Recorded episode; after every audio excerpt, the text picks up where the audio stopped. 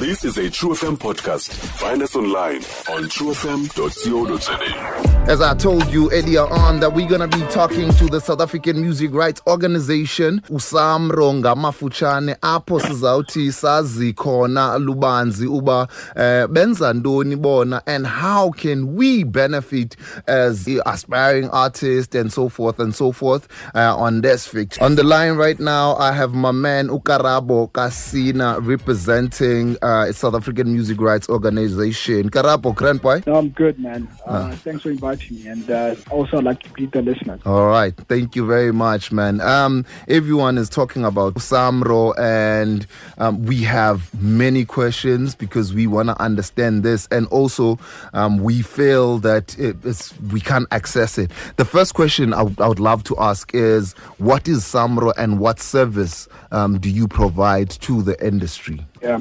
So SAMRO is essentially, uh, you know, a collection management a- uh, agency. So what, all that we do is we go and we we get repertoire, what we call repertoire music, uh, from our members. Yes. And then we license it to the users of this music. So the main people that use music would be obviously your broadcasters like yourselves, and also for TV and uh, even cinema. So anything that um, you know, as a business uses music. Even even people don't think about hmm. shops like your, you know, general, you know, grocery stores that you know I won't name specific brands Yes, yes. that play music as, hmm, as you hmm. walk into the store.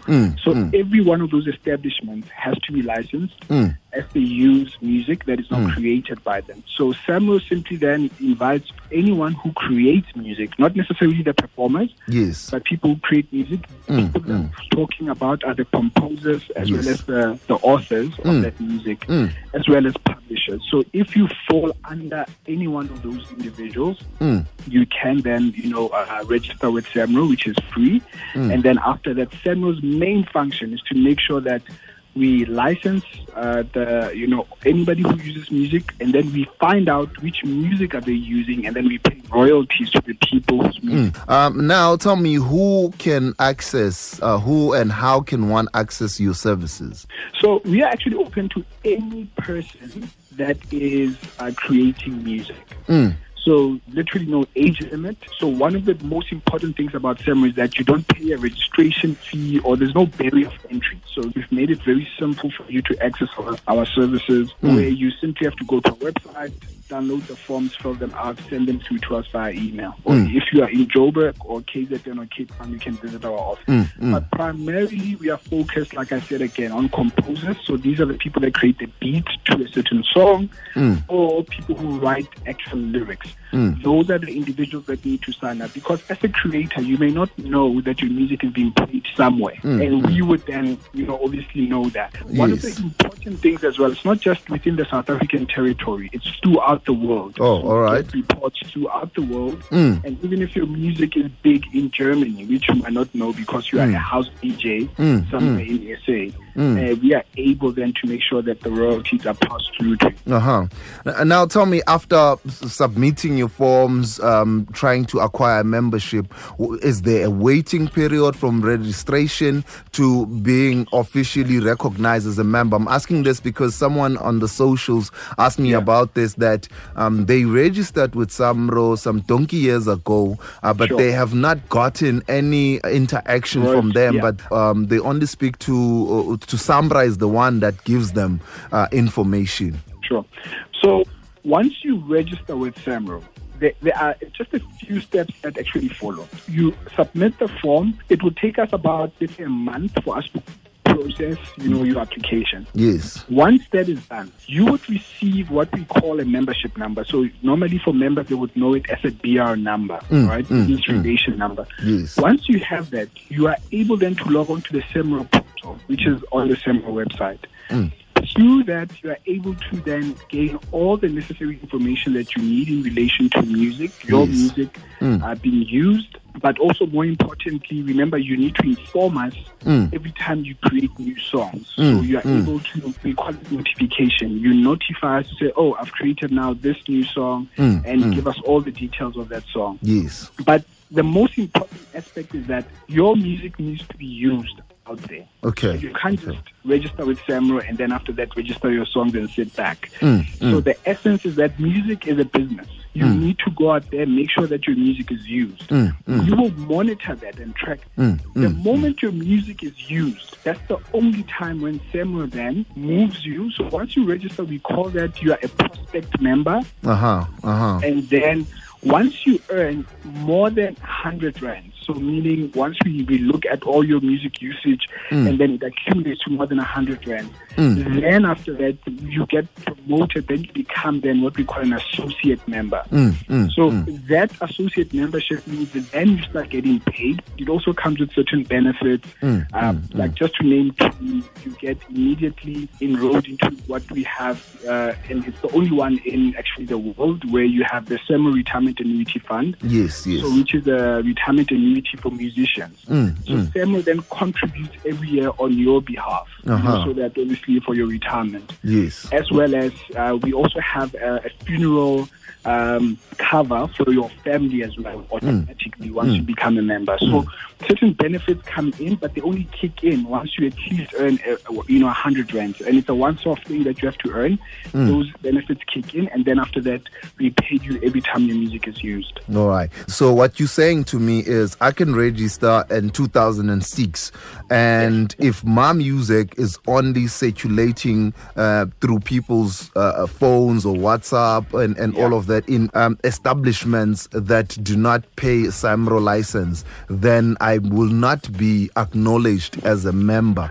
I only become a member when my music is active. Correct. And, and I think one thing that you mentioned about uh, obviously if your music is sent, people send it via streaming or so forth. That that's not necessarily a performing right because, mm, mm. Uh, but if it's used even digitally, where your music is streamed, you know, Yes, be yes. it all the DSPs. So DSPs are your, mm. you know, Spotify, iTunes, anyway. Yes. As long as those uh, environments are licensed, like your Facebook and everything of that sort, you will actually track it because we license all those different environments, even YouTube, anything like that. Mm-hmm. And then we'll make sure that you get paid. So, but if it's not a licensed environment, obviously then you wouldn't be being paid a royalty. Can one register lyrics um, if they don't have a melody? Say I am an author and I have these words that I feel it's it's, it's a song. It's gonna be a song. I'm gonna give it to someone, but I have not allocated a, a beat for it. Can I still be able to register this? I think technically you can. Uh, the essence is that a song is something that has some sort of melody. So in your mind, you hmm. need to have, as much as you've written the lyrics, Yes. there needs to be something that you've created where there is some sort of melody. Because I can write a song, but I can't compose, for hmm. example. Hmm. And if I can't compose, but I, in my head, I know what this thing is supposed to sound like. But I've got the lyrics, so I can actually go and register that, so that once we have this thing as an overall piece, when it's finalized, obviously we'll register it as another song because it becomes something different. Uh-huh. But it's almost like a, a, a rendition of the original. Uh-huh. So you can actually go ahead and register that. Uh huh. People Because are. remember, lyrics lyrics are also uh, we also register lyrics where uh, they are on books, for example. So Yes. if your lyrics are on a website, let's make an example like that. That those, those people need to pay because those are not. It's not actually their creation. Yes. So yes. your lyrics can be on a book, your lyrics can be on a website, you know, different things, but they can be licensed. Uh-huh. I think that's that's the reason you guys have a, a an option where someone can be an author. Say, I'm registered on this song as author, so and so. Now, As a writer, yes. Yes. Now tell me, um, there are people who registered or became Samro members before the online uh, uh, frenzy, or we were we were able to use the online the before the the online portal, and Yeah. for you to be able to register there.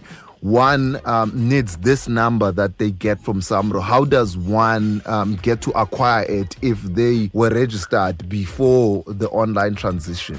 So the simplest way is that you can firstly contact us on um, our email address. So you can find it on our website, but it's customer services at samro.org.za. Um, that's the easiest way. However, you can also, from from our perspective, when you go onto the website and register, and you can ask for it to reset. Uh, so it would actually send us, uh, you know, a message so that we can help you reset that particular, you know, username, and then from there on, you would get it obviously via email. Uh, mostly that's how it works, and then you get via email, and then you're able to log back on. All right. Thank you very much, Mr. Karabo from South African Music Rights Organization. Are there any last things that you would love to iron up before I let you go? Yeah, I think uh, one of the most important things is to encourage musicians to get their music out there. That's the most important thing because I, I deal with a lot of musicians who obviously look out for royalties, but royalties are mostly in work. So this is these are songs that are played the most. Mm, so mm. if you want to actually earn a lot of money from royalties, the focus should be music that's paid the most. And I think the catch there is that it's not always commercial music mm, mm. because sometimes it is production music. Mm, for example, like for your show, there is always music playing on the opening, on the closing. That type of music sometimes plays more than commercial music. All right. Thank you very much, man. Thanks a lot, man. Have a good is, one. Word is born. Stream True FM online on truefm.co.za. sikho yonke indawo ngalo ixesha like no one else